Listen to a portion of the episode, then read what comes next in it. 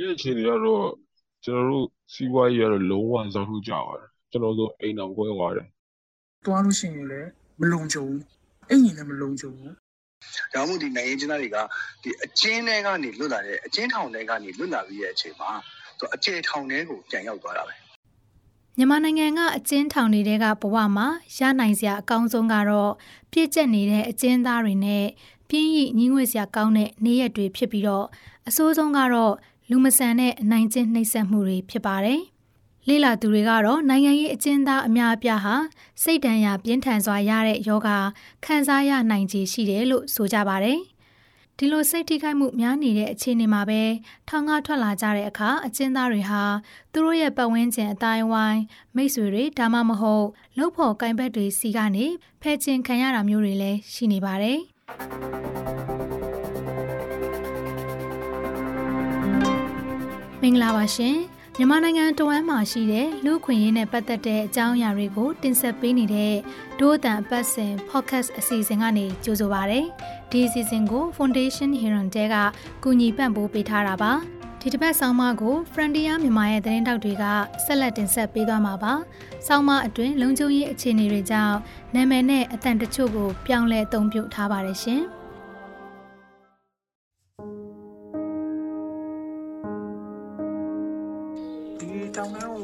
ကျသွားပြီဆိုတဲ့ကလုံးမထောင်ဆိုတဲ့အရာကဟိုကိုဆိုလဲဟိုထောင်ထွက်လာတဲ့လူတယောက်ထောင်ကြထားတဲ့လူတယောက်ဆိုလို့ရှိရင်ကိုလည်းနည်းနည်းတော့မြန်မာလူမျိုးတွေအရာအဖောင်းရှုပ်ခြင်းတဲ့သဘောမျိုးကတော့ရှိတာပေါ့နော်သူကသူဘာအမှုရယ်ဘာပုံမှန်ရယ်ပဲကြကြပေါ့အမားတို့ကကြတော့ဒီလုံလဲဆုံးရှုံးသွားတဲ့ခါကျတော့ဒီဝေးကြီးပြဿနာတွေဖြစ်လာတယ်နောက်တစ်ခါဟိုကိုကထောင်ထဲမှာသွားနေလိုက်ရတယ်ထောင်ထွက်လာတဲ့ခါကျတော့ပို့ပေါင်းဝင်ချင်ရဟို ဒီလိုမျိုးပေါ့ပေါင်းသိဆက်ဆံရေးအပေါင်းသိနေလေမိတ်ဆွေကြီးလေဆုံရှုံသွားတယ်အဆက်အသွယ်ပြတ်သွားတယ်ကွာအဆက်အသွယ်ပြတ်သွားတယ်နောက်ကိုနဲ့ဟိုစိတ်တူကိုတူဆိုတဲ့ဟာမျိုးတွေကဒီကာလမှာရန်ကွဲထွက်လာကြတယ်မက်ရွှေကအရင်တုန်းကပုတ်ကလိကကျောင်းတစ်ခုမှာကျောင်းဆရာမတူဖြစ်ခဲ့ပါတယ်သူ့အမျိုးသားကတော့အစိုးရဝန်ထမ်းတူပါ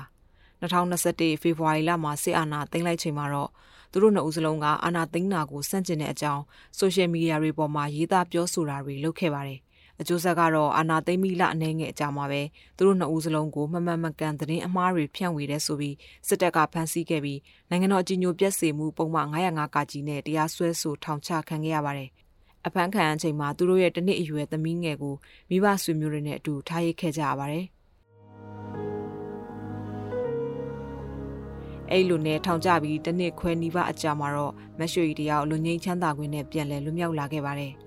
ဒါပေမဲ့သူ့ရဲ့ဘဝကတော့အရင်ချီနေနဲ့မဆိုင်အောင်ပြောင်းပြန်ဖြစ်ခဲ့ရပါပြီ။သူပြန်လှုပ်လှုပ်ဖို့ကြိုးစားတဲ့အခါမှာအရင်ကအလုပ်လုပ်ခဲ့တဲ့အကြောင်းကတာဝန်ရှိသူတွေဟာမက်ရွှေကြီးကိုဆက်ပြီးအလုပ်ခန့်ရင်စစ်ကောင်စီဘက်ကကျောင်းမှာလာပြီးစစ်ဆေးမင်းမြန်းတာတွေရှိလာနိုင်တယ်ဆိုပြီးအလုပ်ဆက်ခန့်ဖို့မဖြစ်နိုင်ကြောင်းပြောဆိုခဲ့တယ်လို့ဆိုပါတယ်။မက်ရွှေကြီးအတွက်ကတော့စာတင်တဲ့အလုပ်ဟာသူဝါသနာပါပြီးချစ်မြတ်နိုးတဲ့အလုပ်တစ်ခုဖြစ်တာကြောင့်တခြားအလုပ်နဲ့အသက်မွေးဖို့ဆိုတာမျိုးသူလုံးဝမစင်စားထားခဲ့ပါဘူး။ ဒါပေမဲ့အခုတော့မိသားစုစာဝတ်နေရေးအတွက်ဝင်ငွေတစ်ခုရဖို့ဈေးရောင်းရင်းအသက်မွေးနေရပါတယ်မရွှေအတွက်သူကြုံတွေ့နေရတဲ့အခက်အခဲတွေကိုတိုင်ပင်ပြောပြလို့ရနိုင်မယ်တခြားဘသူမှလည်းမရှိဘူးလို့ဆိုပါတယ်အဲဘလူခါကျရင်သူတို့နေနဲ့ဒေါသထွက်နေတာလူလူနေနဲ့စိတ်တိုင်းမကြပါဘူးဟောကိုအကြောင်းတွေကိုလည်းပုံပုံလေးလေးရှင်းဖွင့်လို့မရဘူးပုံပုံလေးလေးတိုင်ပြလို့မရဘူးအဲပေါင်းမင်းပေါင်းမင်းနေရလဲမျိုးတွေပါတယ်ဆိုတာပေါင်းမင်းနေရလဲလက်တလုံးမှာကိုကို ဆက်သွယ်လုပ်ဖို့ကအရန်ခက်ခဲသွားကြတယ်ဟိုဆက်သွယ်မလုပ်ချင်ကြတော့ဘူးဒီကြုံရတဲ့ခါကျတော့တယောက်ခဲဟိုတယောက်ခဲဖြည့်ရှင်းရတာကိုပြဿနာတွေဆိုတော့စိတ်လူမကြမှုတွေကတော့ရှိနေတာပေါ့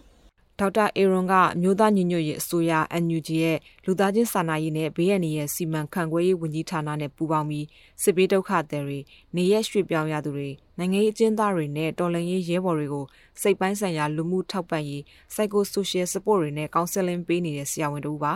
သူရဲ့အတွေ့အကြုံအရနိုင်ငံရေးအကျဉ်းသားတွေအပါအဝင်စစ်တပ်လက်ကလွတ်မြောက်လာသူတွေမှာစိတ်ကြယောဂ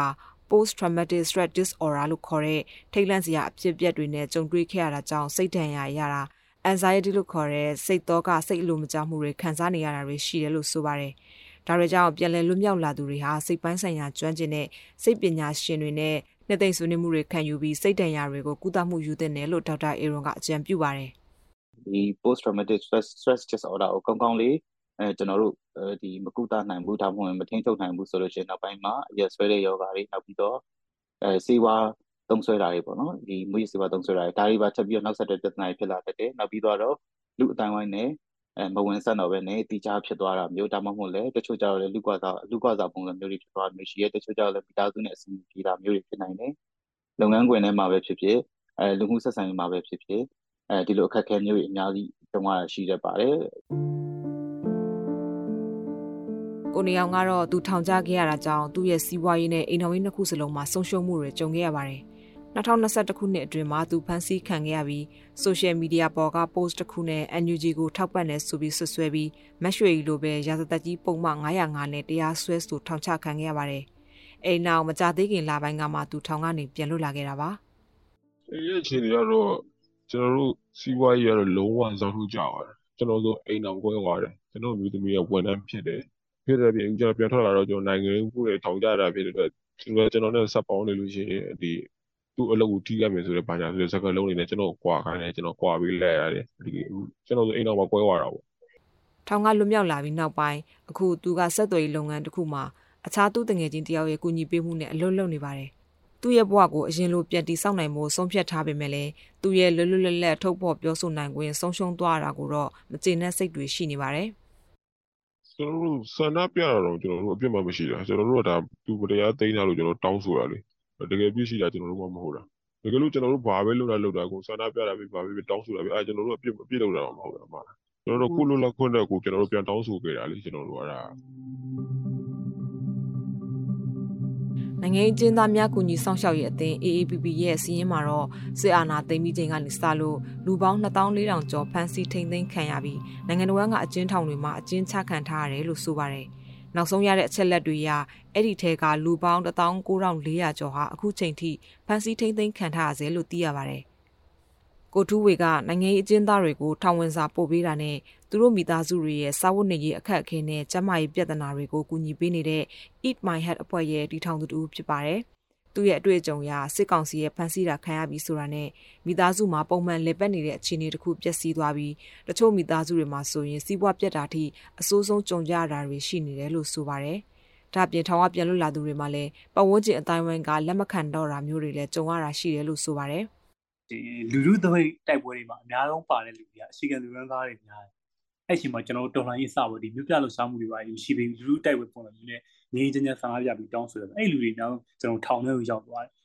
ရောက်သွားတော့သူတို့တွေအခုပြန်ပြီးလွတ်လာတဲ့အခါမှာသူတို့စိတ်ရုံလွတ်ရုံညာသူတို့ပြန်ပြီးတော့လက်မခံတော့တာရှိပြောမဆိုဟို black list စင်းတွေကိုတွန်းလိုက်တာလည်းတူတယ်တချို့ဆိုဘလောက်ရှိနေဆိုလဲဆိုသူတို့ရဲ့ bank account တွေပါတယ်ပေါ့ခါတဲ့ပိတ်လိုက်နေဆိုတယ်ဆိုတော့အခုနောက်ပိုင်းအဲ့လူတွေကဘာလုပ်လာရလဲဆိုတော့လမ်းဘေးမှာဈေးရောက်ရတဲ့သူဖြစ်လာတယ်ကြုံအားကြပန်း အလုပ်လုပ်ရတဲ့သူဖြစ်လာတယ်ပေါ့အဲ့ဒီလောက်ထိကျွန်တော်တို့အရှင်ကြီးဆူဆူသွားတယ်ပေါ့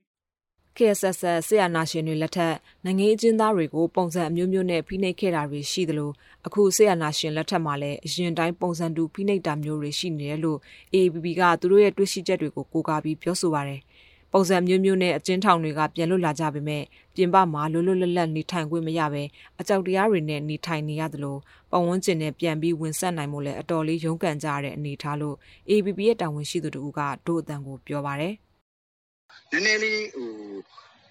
အခြေအနေမကောင်းတာနဲ့ဒီစေအုပ်စုကနိုင်ငံချင်းသားတွေကိုပြန်ဖမ်းတာတချို့ဆိုလို့ရှိရင်လူကြီးရှန်ကလည်းလွတ်လိုက်တယ် အခုလွတ်တယ်အခုထောင်ဘူးပေါ်မှာနေပြန်ဖမ်းတဲ့ကိစ္စမျိုးတွေတော့ကြုံနေရတယ်ပေါ့နော်ဒါမှမဟုတ်ဒီနိုင်ငံချင်းသားတွေကဒီအကျဉ်းထဲကနေလွတ်လာတဲ့အကျဉ်းထောင်ထဲကနေလွတ်လာပြီးတဲ့အချိန်မှာသူအကျယ်ထောင်ထဲကိုပြန်ရောက်သွားတာပဲအဲတော့သူတို့ရဲ့ရက်တီရေးအတွက်လောက်ကင်စားတော့ဖို့ဆိုတာလေအာအခြေအနေမပေးဘူးပေါ့နော်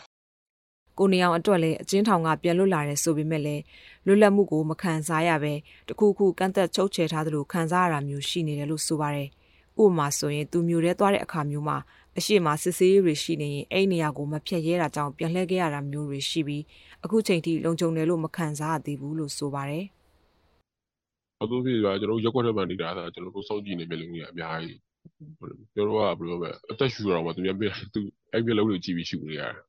အိမ်ကိုဝင်ထွက်လာပြီးတော့ကျွန်တော်တို့ဘာကြီးလုပ်လဲပါကိုင်းအဲ့လိုမျိုးစောင့်ကြည့်ခံရတဲ့အနေထားပေါ့နော်ကျွန်တော်တို့လောက်ခါလာဆိုလို့ရှိရင်ဝေဒီနဲ့လည်းပြန်ဖောင်းလို့ဆိုအစီအစဉ်ကမသိရှိတော့ တော့တို့လေးမှာအပြင်သွားလာတာတို့လမ်းမှာတော့အဲ့လိုဖတ်လိုက်မလားဟဲ့ဆိုတော့အတူကြီးတွေတို့သွားတယ်ကြီးကျယ်စာတော့သွားလာတယ်စစားလည်းမကြောက်အိတ်လည်းကောင်းမကြောက်ဘူးဒီလိုလည်းပြန်ဖောင်းနေတယ်တူတူဆိုတော့ပါဆက်ပြီးနေတော့ကျင်းလေးညာဒီလိုခံစားမှုမျိုးမက်ရွှေကြီးလည်းအလားတူခံစားနေရပါတယ်သွားလို့ရှိရင်လည်းမလုံခြုံဘူးအဲ့ညီလည်းမလုံခြုံဘူးဟိုဆိုင်ကယ်တန်ကားတန်စတာတွေပေါ့နော်ကိုယ့်ရဲ့တိုက်ခန်းရှိကိုယ့်ရဲ့ခြံရှိကိုယ့်ရဲ့အင်းရှိဖြတ်သွားရင်တော့မှဟို ကိုရဖန်ခံခဲ့ရတဲ့လူဆိုတော့ဟုတ်ဘာလဲပေါ့ငါတို့များလားငါတို့နေများတော့ဆိုင်မလားငါတို့များလားပြန်စစ်တာလားငါတို့များလားပြန်ဖမ်းတာလားအဲ့လိုမျိုးတွေပေါ့နောက်တော့ပဲကွာဒီဖုန်းတုံးနေတော့မှဟိုစိတ်ကမလုံခြုံဘူးပေါ့အဲ့လိုမျိုးတွေဖြစ်နေတာ။ထောင်ကလွတ်မြောက်လာပြီးနောက်ပိုင်းမက်ရွှေကြီးကအခြားနေရာတစ်ခုမှာပြောင်းရွှေ့နေထိုင်ခဲ့ပါတယ်။ဘာကြောင့်လဲဆိုတော့သူ့ပတ်ဝန်းကျင်ကသူတွေကိုယုံကြည်လို့ရရဲ့လားဆိုတာမျိုးသူကိုယ်တိုင်တောင်မသိနိုင်တော့တာကြောင့်လို့ဆိုပါတယ်။ ဒါပေမဲ့အခုထိတိုင်လူတွေကိုမယုံရဲတဲ့စိုးရင်စိတ်တွေသူ့မှာရှိနေသေးပါ။ထောင်ကျခဲ့ရပြီးနောက်စာဆက်ပြီးမတင်နိုင်တော့တာကြောင့်သူ့ရဲ့ဘဝရည်မှန်းချက်ပန်းနိုင်လဲပျက်စီးသွားခဲ့ရပါပြီ။ဒါပေမဲ့အခုလိုကြုံတွေ့ခဲ့ရပေမဲ့လည်းသူ့ရဲ့လုပ်ရက်အပေါ်နောင်တရတာမျိုးတော့မရှိဘူးလို့မက်ရွှေကဆိုပါတယ်။ လောင်ထားရတဲ့စိတ်ကတော့အမားကမရှိဘူး။ဘာဖြစ်လို့လဲဆိုတော့ဒါကအမားရဲ့ဆုံးရှုံးမှုဟုတ်တယ်အမားမှာဟုတ်တယ်မှန်တယ်အမားအကုန်လုံးနှီးပါလို့လုပ်ငန်းတွေရောဒီဟိုမိတ်ဆွေအပေါင်းအသင်းဆက်ဆံမှုတွေရောနောက်ငွေရေးကြေးအပိုင်းကဏ္ဍတွေရောအမားအများကြီးဆုံးရှုံးသွားတယ်မှန်တယ်ဟိုဒါပေမဲ့အမားနောင်တတော့မရဘူး။ဘာဖြစ်လို့လဲဆိုတော့ဒီဒေါ်လာရင်းနဲ့ပတ်သက်ပြီးဒီရေးကင်းနေနဲ့ပတ်သက်ပြီးတော့အမားထက်ဆုံးရှုံးနေတဲ့သူတွေအများကြီးကိုအမားမြင်နေရတယ်လေ။တွေ့နေရကြတော့အမားဆုံးရှုံးပြီးတော့အမားပေးလိုက်တဲ့အရာလေးကဟိုသူတို့နဲ့ရှင်မယ်ဆိုရင်တော့ ဟိုမပြောပါတော့ဘူးပေါ့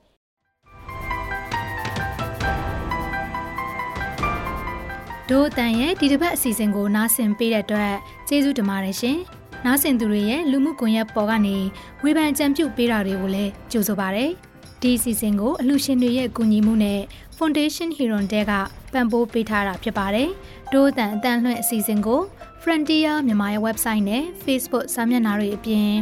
ဒို့အတန်ရဲ့ Facebook စာမျက်နှာ SoundCloud YouTube iTunes တို့ကနေလည်းဝင်ရောက်နားဆင်နိုင်မှာဖြစ်တယ်လို့ VOA ကထုတ်လွှင့်တဲ့ရေဒီယိုအစီအစဉ်မှာလည်းစနေနေ့ည9:00နာရီကနေ10:00နာရီတွင်းနဲ့တနင်္ဂနွေနေ့မနက်6:00နာရီကနေ9:00နာရီတွင်းမှာလည်းနားဆင်နိုင်ပါတယ်။နောက်တစ်ပတ်ထုတ်လွှင့်မဲ့ဒိုးအတန် podcast ကိုလည်းစောင့်မျှော်နားဆင်ပေးကြပါအောင်ရှင်။